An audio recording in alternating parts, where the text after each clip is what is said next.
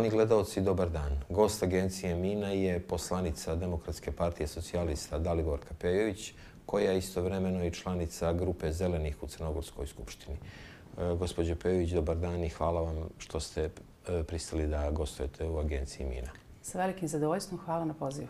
Razgovaramo o ekologiji, o zelenoj agendi, o ekološkoj državi Crnoj Gori. Koliko će biti teško i zatvoriti poglavlje 27. Možete li nam malo objasniti o situaciju sa zelenom grupom? Ona je ranije formirana, pa da je, sada je ponovo obnovljena. Ko su članovi, šta su njeni ciljevi? Tako je, u pravu ste. U prošlom mandatu je već bilo inicijative da se formira jedna, hajde da kažem, neformalna grupa poslanika koja bi se okupila oko ekoloških ciljeva. E, zelene ekonomije i posebno principa održivosti koji negdje čini mi se da se ispostavlja kao ključni za svako društvo, pogotovo zemlje poput Crne Gore koja negdje traži svoj razvojni put i put u budućnost. I, i tada, evo srećom i u ovom sazivu, bila sam jedna od članica e, te grupe. Ove godine moram da priznam i u ovom mandatu sa mnogo većim ambicijama, mnogo širim portfolijom nekog našeg zalaganja i to se efektuiralo i kroz brojnost grupe. Ja sam zbilja bila ovako impresionirana kada smo održali zadnji sastanak prije 7-8 dana. Zaista je bilo prisutno ovaj, dosta poslanika, skoro 15, iz različitih političkih subjekata. Negdje mi se čini da su skoro sve političke stranke koje participiraju u parlamentu zastupljene i moram vam reći, kao i u situa kod situacije sa ženskim klubom, negdje i ova neformalna grupa, zbilja mislim da je na zdrav način prepoznala svoj pristup i participaciju u njoj i negdje se to zbilja ovako efektuira na onaj način koji, koji sam ja negdje i, i zapravo i očekivala. Ciljevi su da promovišemo zelene politike, da se trudimo da mijenjamo ili da negdje e, predlažemo nova zakonska rešenja koja će E, dodatno osnažiti ideju ekološke države Crne Gore. E, da, vi pitali ste da li smo uradili dovoljno ili ne. Očigledno nismo, jer evo vidite i sami kroz izvještaj Evropske komisije, to je svi građani mogu da percipiraju i da shvate da još ogroman posao stoji pred nama i mislim da je jako važno da se mi kao poslanici fokusiramo na onaj naš dio posla, a to je da kontrolišemo kako rade nadležne institucije, da vidimo gdje treba unapređivati zakonodavstvo i negdje zbilja onako da pospješimo cijeli taj posao na jedan konstruktivan i naravno manje politički oboj način, što je i suština našeg angažovanja. Rekli ste zelena agenda. Šta, šta predviđa zelena agenda i šta je to u stvari? Upravo je to, e, možemo posmatrati kroz dva, dva smjera. Jedno je ono što se odnosi na proces integracija gdje preuzimamo ogroman broj obaveza i gdje čini mi se sada već imamo problem sa kapacitetima, odnosno mogućnostima da realizujemo sve to što smo, e, na što smo se definitivno obavezali. Drugi dio je vezan za zakonodavstvo i to je primarna aktivnost zelene grupe. I treći je ovaj kontrolni, odnosno nadzorni mehanizam da prosto vidimo gdje postoji objektivni problemi i da li se oni mogu i na koji način unaprijediti. E, zajedno s onim što radi Zelena poslanička grupa, moram vam reći, mi smo imali jednu vrlo intenzivnu aktivnost u prošlom mandatu u odboru za evropske integracije. Čini mi se da je pored poglavlja 23 i 24 možda najviše pažnje poklonjeno upravo poglavlju 27. I nije tu bilo samo da kažem zakonodavnog rada, niti neke vrste političke akcije. E, tu smo zaista bili u prilici da se direktno upoznamo sa problemima što bi rekli mi, e, da kažem, e, i na samom terenu. Odnosno, išli smo da razgovaramo širom Crne Gore sa ljudima koji se suočavaju sa ozbiljnim ekološkim problemima i negdje smo se zbilja ozbiljno potrudili da osvijetlimo dio problema koje možda javnost nije znala ili nije javnosti bilo dostupno. Pogotovo ovdje moram da, da pomenem jedan jako važan e, pristup koji smo imali kada je Solana u pitanju i čini mi se da smo negdje pomogli da se shvati suština i dubina problema Solane, a u konačnom je to efektuiralo ipak jednom vrstom i stepenom zaštite koji je bio prepreka nastavku pregovaranja u poglavlju 27 i mislim, iako sam dobro primijetila da u zadnjim izvještajima Europske komisije se Solana ne pominje kao hotspot.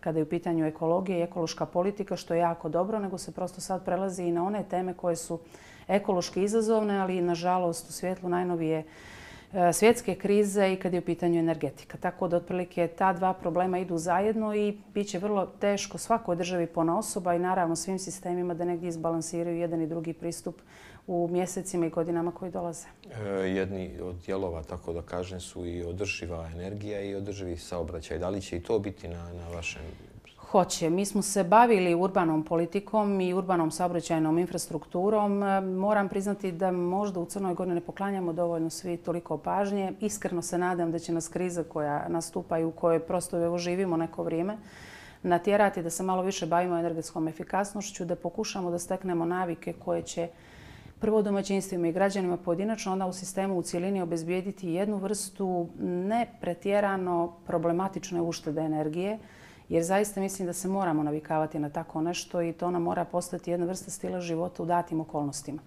Također se moramo baviti energetskim deficitom. Ako je vjerovati onome što slušamo svakodnevno kroz rade, razne medijske prezentacije, ne bi trebalo da brinemo o energetskoj situaciji, barem što se tiče ove godine, odnosno druge polovine godine. Ali bez obzira, znači, trend je svuda u svijetu da se energije štedi i da se pokuša doći do svih onih izvora koji neće izazvati dodatna zagađenja ili dodatne probleme u samoj sredini. I zaista se traže najbolji mogući koncepti, iako nije ni malo lako. E, skoro smo e, bili na jednom e, vrlo važnom sastanku svih odbora evropskih integracija zemalja članica Evropske unije i zemalja koje pretenduju to da budu. I moram vam reći, pored prvog prioriteta koji se odnosi na aktualnu ukrajinsku krizu, drugi prioritet Europske unije je definitivno priča oko energije i oko svih mogućih načina da se pronađu alternativni izvori, e, energetski izvori, da bi se negdje održala, tako da kažem, normalnim e, standard i stil života prevashodno građana i građanke Europske unije, a negdje treba poditi računa da se to u određenom smislu odnosi i na nas. Tako da, kažem, to će biti predmet naše pažnje. Iskreno se nadam da se nećemo samo zadržati na kontrolnoj i nadzornoj ulozi. Imamo jednu jako važnu stručnu podršku GIZA koji prati rad e, zelene grupe. Mislim da su nam učinili dostupnim eksperte iz regiona, a sve su prilike da će to biti iz Evropske unije. Mislim da će nam to pomoći da se mi bolje orijentišemo i politički i funkcionalno u samom crnogorskom parlamentu i da se zbilja potrudimo da na jedan konstruktivan način doprinesemo da se ovi izazovi i ovi problemi rešavaju lakše.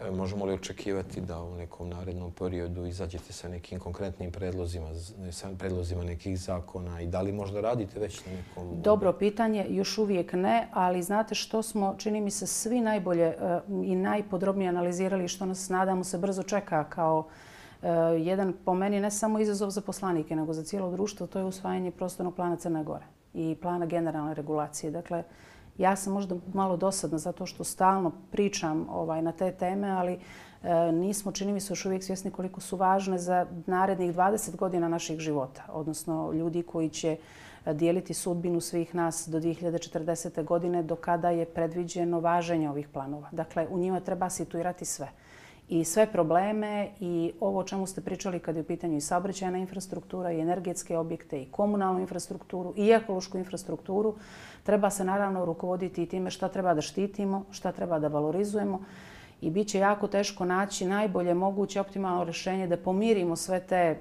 dosta, moram da priznam, suprotstavljene politike jer su nam, čini mi se, u svim sektorskim politikama ambicije jako velike, a prostor nam je ograničen i mm, nama će biti najgore, govorim konkretno o poslanicima, jer ćemo mi u finalu dati konačnu riječ, odnosno prohodnost tim dokumentima.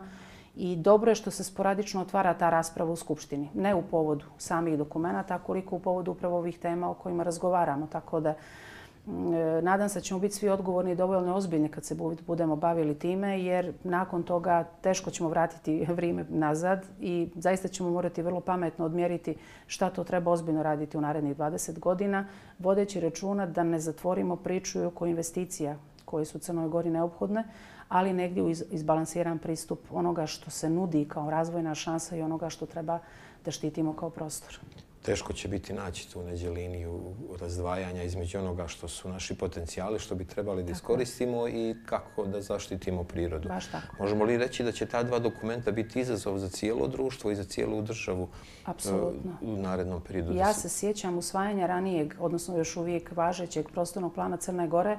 E, ja mislim da je pošto sam bila svjedokom toga iz jedne druge profesionalne perspektive, sigurno 3-4 mjeseca trajala nazovi javna rasprava, odnosno kako danas volimo da kažemo, taj inkluzivni pristup gdje pitate od građana do akademske i stručne zajednice, intelektualaca i brojnih organizacija i institucija e, šta oni misle o tom dokumentu. E, tada se sjećam da je i Akademija nauka bila vrlo aktivno e, uključena u cijeli taj proces kao računam jedan krem institucionalnog i akademskog znanja u svakoj zemlji koji bi po pravilu to znanje trebao da valorizuje u svrhu upravo donošenja ovako važnih i kapitalnih i projekata i programa i planova. Mm, nemam sada utisak da se e, radi na takav način, jako je možda rano, jer dokumenti još nisu, koliko sam razumijela, završeni, ali zaista su moje očekivanja da ćemo u toj javnoj raspravi koja se desi imate prilike da sukobimo različita mišljenja i da se onda na bazi upravo tih sukoba donesu najbolja i najkvalitetnija rešenja. I zaista bih pozvala i mislim da je to ključ svega građana, da ne shvataju da, i ne, da ne razumiju ovaj proces da to donose neki drugi. Ovdje su oni nebitni, nego možda najbitnija karika za e, percepciju o tim planskim dokumentima, jer će posljedice njihovog usvajanja i njihovog života biti upravo vezane za njih. I zaista bih pozvala posebno nevladine organizacije koje u najvećoj mjeri regrutuju građane, evo tako da kažem, i čine ih dodatno zainteresovanim za ovakve stvari da se maksimalno uključaju u ovaj cijeli postupak, tim prije što nas tek očekuje izrada strateške procjene utjecaja na životnu sredinu. I za jedan i za drugi dokument. Tačnije, evo da pojednostavim, to je onaj dokument koji prati svaki plan da bi bio ekološki prihvatljiv. I sva rešenja koja predložite kroz taj plan negdje moraju proći tu vrstu ekološke prihvatljivosti da ne bi naknadno, kad počne njihova realizacija, shvatili da će oni ugroziti prirodu ili neki prostor u Crnoj Gori. Tako da kažem, to je za mene najozbiljniji dokument koji ćemo, nadam se, usvojiti u ovom sazivu. Evo, To su moje očekivanja, ali vidit ćemo još. Kasnimo li sa, sa tim detaljnim urbanističkim planom? Kasnimo već jako puno. Ovaj, ja se plašim, nije samo više kašnjenje u samo izradi plana, odnosno njegove, njegovog nacrta. Kašnjenje, koliko sam razumijela, ministar kod juče iz parlamentarne rasprave kasni se upravo i sa tenderima za dobijanje izvođača koji će se baviti strateškom procjenom, odnosno ovim ekološkim dijelom plana i programa po pravilima svim i e, na osnovu jedne dobre prakse koju smo imali ekološki plan, odnosno ekološka prihvatljivost i plan idu zajedno. To su dva paralelna procesa. U ovom slučaju će to očigledno izostati. Tako da ćemo dobiti nacrt plana, a tek onda nekoga ko će prihvatati ili suditi o njegovoj ekološkoj prihvatljivosti. I bojim se da će to da se izgubi dosta vremena. Govori se često, a to se nekako ne dovezuje na ovu priču i o nelegalnoj gradnji koja je, mislim, nema šta da se govori, dovoljno je da prođemo od, od sjevera do, do primorja pa da vidimo koliko je. Koliko je taj problem izraženi? Da li smo zakasnili da se, da se stane tome na put? U velikoj mjeri, ali mene plaši jedan princip. Neće me, nadam se, građani pogrešno razumijeti i naravno vi... E, Dakle, ovdje izgleda ko je uredan i ko ne radi na divlje. On ima problem da ne može stvoriti komfor u, u, svom, u prostoru u kojem živi. Dok imate jedan ogroman broj ljudi koji to radi, a prosto ne vodeći računa o tome da ugrožava one koji su, da kažem, regularni. E, mislim, svjesni smo mi zaista dubine i velikog problema. Mi smo negdje tada u ministarstvu, kada sam ja radila kao državni sekretar, baratali sa cifrom od nekih 100.000 nelegalnih objekata. Ja zaista mislim da je od tog vremena do danas nastalo ko zna koliko još za koje se možda ne zna i koji jednostavno e, teško mogu da se, da se sagledaju. E, samo je važno, barem ako je već to tako, iako smo se odlučili na E, zakonsko rešenje koje podrazumijeva u određenom smislu legalizaciju, da se taj proces zaista prati na kvalitetan način, da se ne zastaje sa procedurom i da se prosto nakon toga uradi jedna vrsta planskog presjeka da vidimo da li smo kapacitete prostora već dovoljno opteretili da spilje više ne dozvoljavamo tako nešto. I tu će uloga izvršnih organa u smislu njihove e, angažovanja na kontroli i nadzoru biti ključna. Da li smo mi pogodili sa konceptom inspekcija, odnosno inspekcijskog nadzora, To je ozbiljno pitanje. Mislim da se oko toga moramo jako pametno, a možda i kroz ovu grupu opredijeliti. Da li možemo pomoći da se na neki drugi način ona organizacijono postavi, jer pretpostavljam da znate, stalno su se čupale neke inspekcije iz zajedničke institucije, pa su se ponovo vraćali i sublimirale na jednom mjestu i čini mi se da nikad nismo došli do modela koji će biti dovoljno operativan i dovoljno efikasan. Tako da, Evo, nadam se, kažem, da ćemo, sagledavajući sve ovo što sada imamo kao problem, možda mi ponuditi kao poslanička grupa možda najbolja rešenja koja će biti prihvatljiva i za vladu i koja će, valjda, e, da kažem, izdržati probu vremena. E, dok ste bili u ministarstvu i kasnije na čelu agencije, da li ste možda detektovali koji je dio države najviše pogođen nelegalnom gradnjom? Pa meni se čini da je u pitanju obala, odnosno obalni dio. Mislim da je plan obalnog područja negdje to i pokazao. E, mi smo već dostigli kapacitete gdje bismo teško više smjeli dozvoliti bilo šta e, što se tiče nelegalne gradnje i mislim da bi trebalo, jako je nepopularan izraz, ali je vrlo teoretski, vrlo pravno pa i stručno legitima, negdje konzervirati konačno tu situaciju. Vidjeti šta još od komunalne infrastrukture može da isprati tu vrstu gradnje, jer vi sami znate povećanje naselja, pogotovo u obalnom području, podrazumijeva i veće gabarite komunalne infrastrukture koja treba da negdje apsorbuje sve ono što su produkti tolikog broja stanovnika koji žive na tom području. I čini mi se da treba povesti račun o zaštićenim područjima. Tamo je možda bilo sporadično e, nelegalne gradnje, ali mislim da su ona mnogo kvalitetnije pratila jer smo imali jednu po meni, to je moja percepcija, barem iz tog vremena, dosta kvalitetnu institucionalnu postavku i brigu nacionalnih parkova, odnosno upravljačkih struktura i menadžera koji su vodili računa da ispoštuju sve ono što su zakonske ili međunarodno preuzete obaveze. Tako da to bi trebalo staviti zaista pod jednom određenom pažnjom i mislim da u narednom periodu, kažem, zaista se treba rukovoditi time da se prostor maksimalno konzervira, da se zadrži postojeće stanje i da se osim prijeke nužde i ne znam već nešto što je zbilje pitanje ključnih razvojnih politika, zaista ne dozvoli nova gradnja i neka nova infrastruktura. Jedan od predloga je koji se mogao čuti da se stavi moratorium na godinu dana. Kako vi smatrate to? Pa ja vam kažem, bila bih za to, e, zato što e, sve možete mijenjati, sve možete rušiti i graditi, samo prostor ne možete promijeniti. Jednom kad ga devastirate, teško ga više možete vratiti u prvobitno stanje i to je jedno ključno pravilo o kojem zaista svi treba da vodimo računa i koje bi negdje trebalo zbilje da nam bude u pozadini svih naših promišljanja neka, neki princip ili neki motiv kojim se moramo rukovoditi. Dakle, bila bih za to, osim kažem, u slučaju kada je javni interes u pitanju. Ako je u pitanju nešto što se tiče bezbjednosti, nešto što se tiče sigurnosti, nešto što se tiče socijalnih ili nekih drugih potreba, u svakom drugom slučaju koji bi bila jedna vrsta luksuziranja, zaista ne bi bila sklona da dozvoli. Koje ste još probleme detektovali kao najizraženije, kao najveće kada govorimo o ekologiji i zaštiti životne sredine, dok ste bili u agenciji i u ministarstvu? E, mi smo napravili jako puno kvalitetnih institucija i mislim da smo u dobroj mjeri, čini mi se, doveli jedan i obezbijedili optimalan kadar koji treba da pokrije cijeli taj posao. Ali mislim da je ključno e, problem s kojim ćemo se sresti kao društvo i naravno kao građani, to su financije za ovaj, za ovaj e, segment e, priče oko životne sredine i sve ono što mora da prati ispunjenje obaveza će trebati ogromne pare. Meni se čini da se bukvalno svakodnevno uvećavaju te obaveze jer je priča ekologiji poglavlje 27 nešto za čim stalno trčite, a nikad ne dostižete cilj. I stalno vam se nameću neke nove obaveze kojima morate ići u susret u svakom smislu. Dakle, i institucionalnom i organizacionalnom i finansijskom. I zaista mislim da ćemo u jednom trenutku morati da vidimo u kojem se trenutno situaciji nalazimo i šta možemo još dodatno e, dobiti od fondova Evropske unije, šta ćemo morati sami da obezbeđujemo u narednom periodu. Jer nisu svi problemi nastali od nas, nego smo naslijedili određene ekološke probleme čija je sanacija sama koštala, ja mislim sada već preko 60 miliona eura. Pitanje je da li je to ta cifra i da li će ona biti još i veća u, u svojoj konačnici.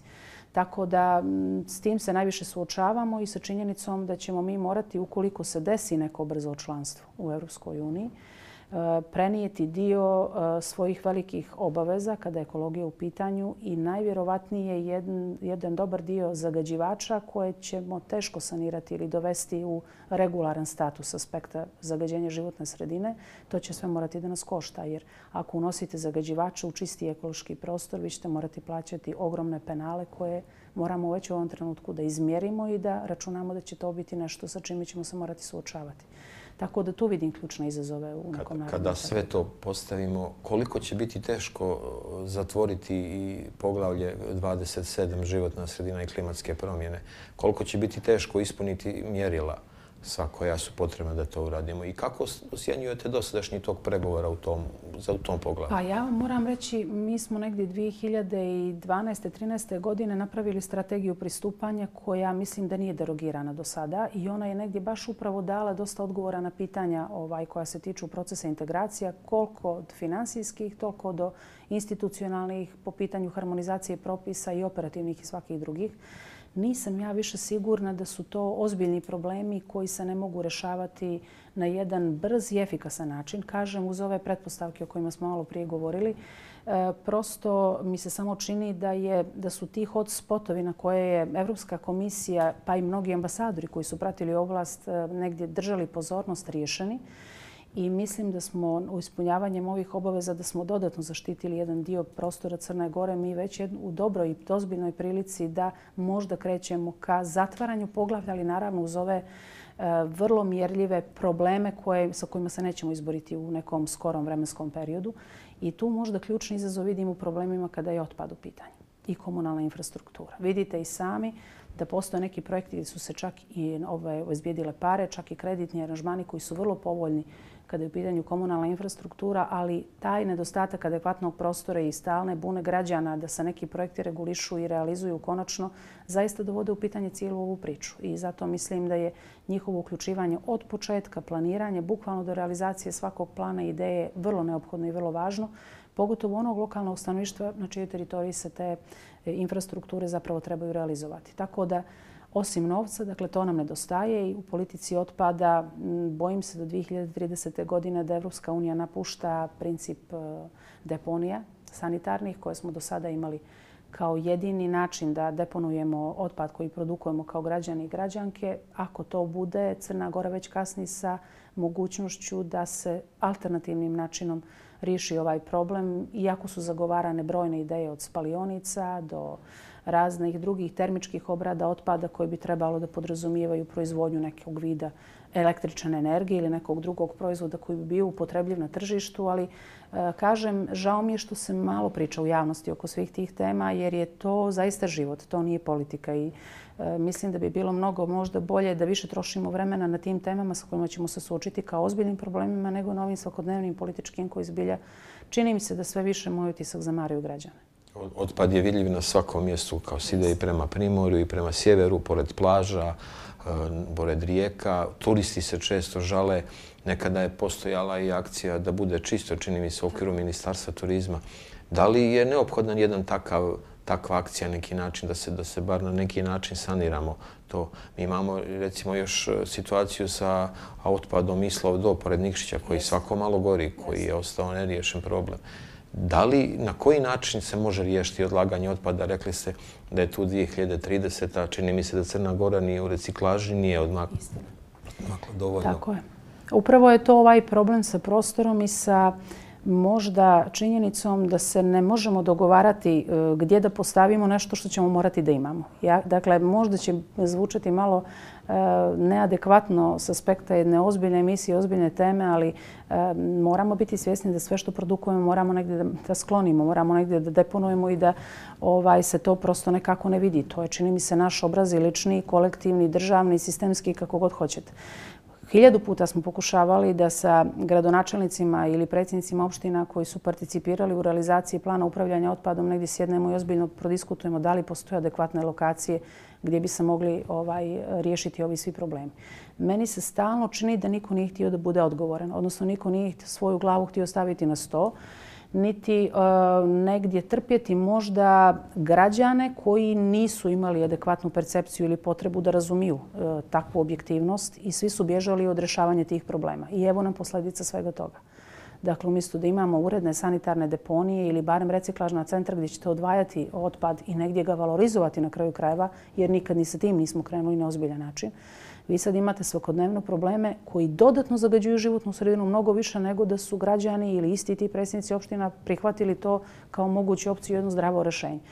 I što je najgore, nas su zatekli dosta strogi e, evropski uzus i tu ste potpuno u pravu kada je u pitanju reciklaže. Jer mi tu imamo, moramo zadovoljiti određene procente E, recikliranja količina otpada i to određenih tipova otpada da bismo e, mogli biti sjutra tretirani kao buduća članica Evropske unije koja poštuje sve te principe i ta pravila. Sada je nama otpad naravno rasut na sve strane, nesegmentiran, neodvojen, nevalorizovan, tako da zbilja mislim da nismo uopšte svjesni koliko i tu dodatno gubimo i sredstava i financije i svega drugoga kad su te stvari u pitanju. Tako evo, nadam se, kažem, ne možda samo uz pomoć poslanika, ali mislim da, da polako, nadam se, zriva sviz da nekad moramo možda je žrtvati svoje karijere i političke ambicije i sve drugo zarad opšteg dobra i javnog interesa. A ovdje je u pitanju zdravlje.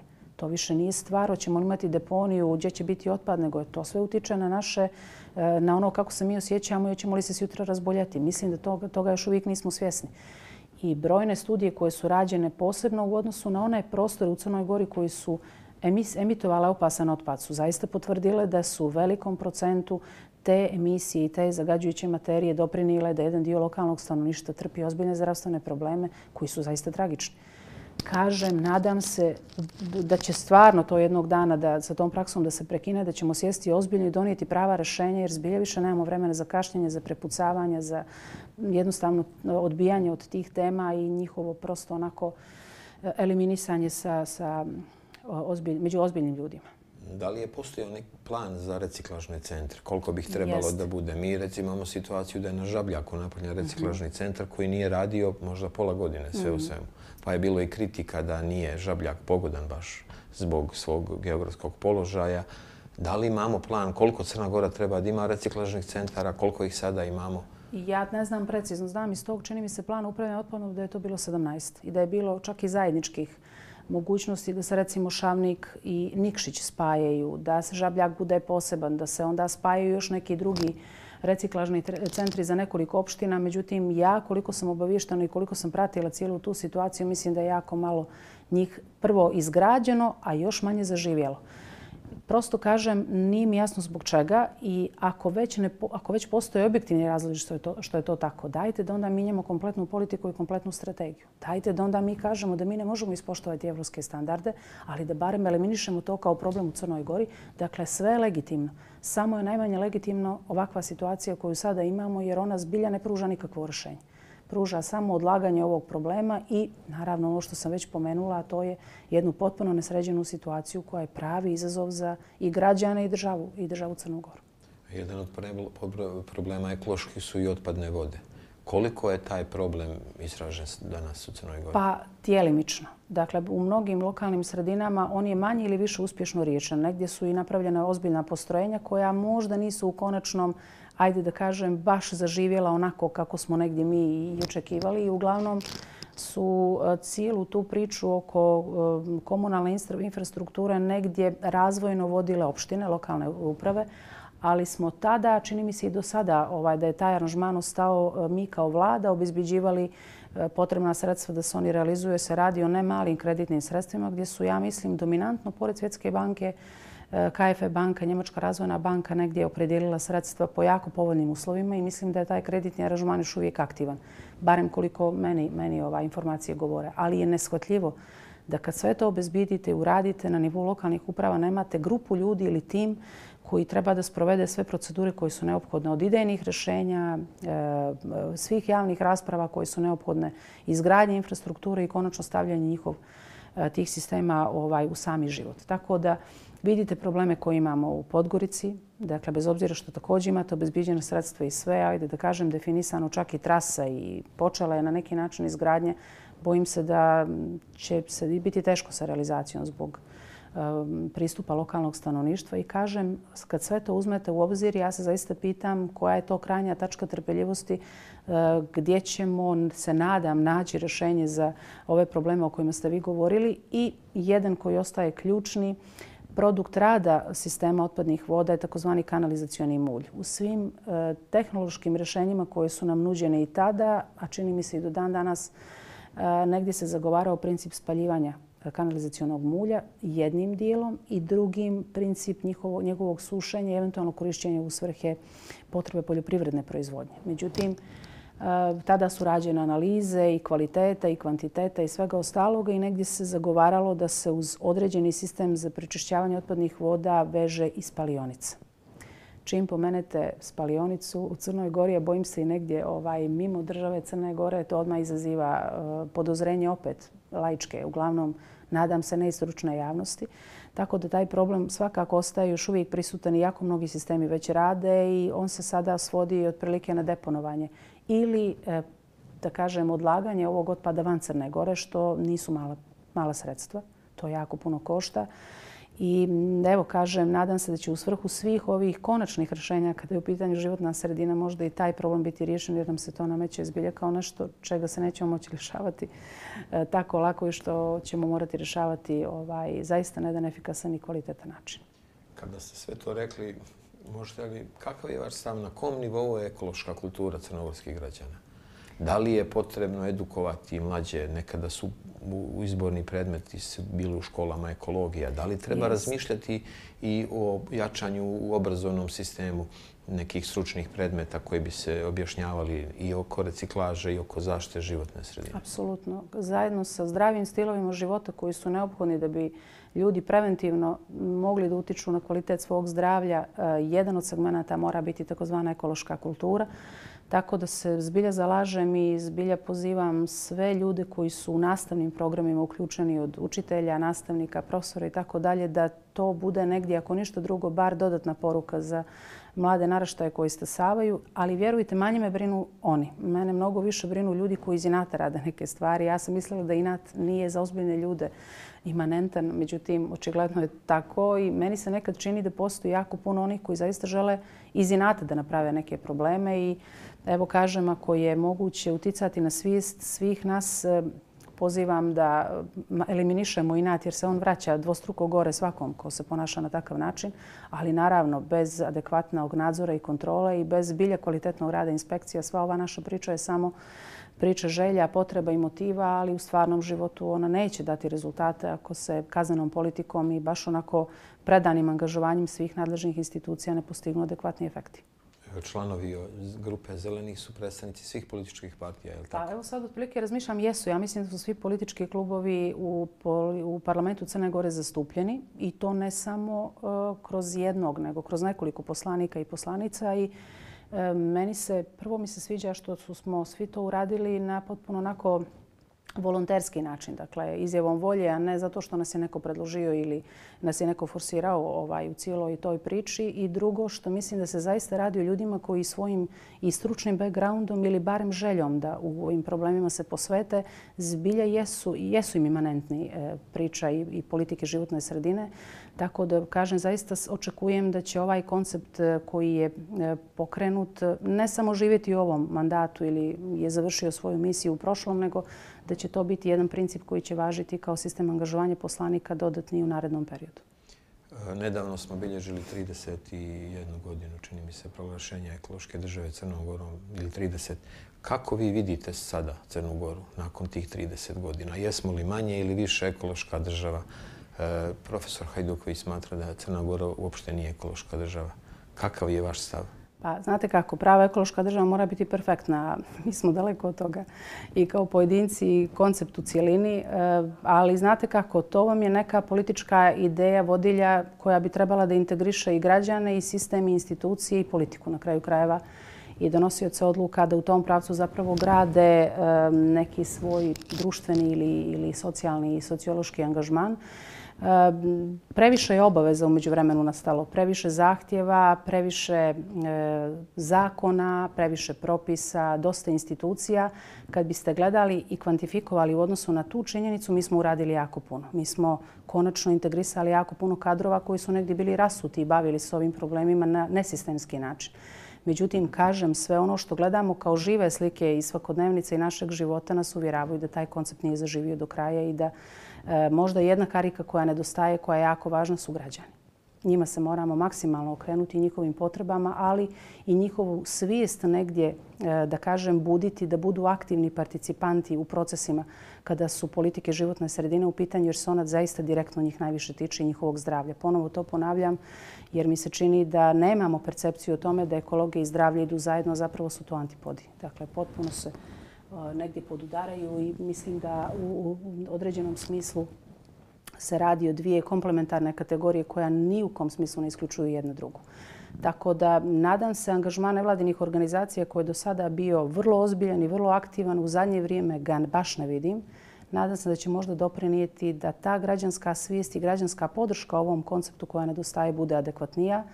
I mislim ako to uradimo da ćemo biti zadovoljniji, da ćemo svaku narednu godinu u kojoj slavimo dan uspostavljanja ekološke države Crne Gore barem e, negdje sagledavati kroz dodatni napredak, a ne kroz stagnaciju što je nažalost sada slučaj. I na kraju, koja je poruka vaša građanima? Šta svaki pojedinac treba da uradi da bi Crna Gora bila ekološka država u pravom smislu te riječi? E, upravo ovo, da sve ono radi što je u funkciji njegovog zdravlja, sigurno neće pogriješiti. Ja mislim da građani od onih e, malih godina pa do ozbiljnih godina negdje znaju šta to znači. Naravno, u granicama svoje percepcije, života koji živi, standarda kojim teži i nekih datih okolnosti koje su nam ovako svima date i zadate kao objektivnost iz koje ne možemo da izađemo. Dakle, da aktivno participiraju ovim politikama, da se maksimalno angažuju, da na javnim raspravama daju svoje sugestije i naravno svaki njihov predlog po pravilima mora biti e, efektuiran kroz odgovor struke da bi oni prihvatili svaki projekat ili bilo koju politiku kao nešto što je njima eminentno i što njima treba. Gospodin Pević, hvala vam puno na izdvojeno vreme. Hvala vam, bilo mi zadovoljstvo.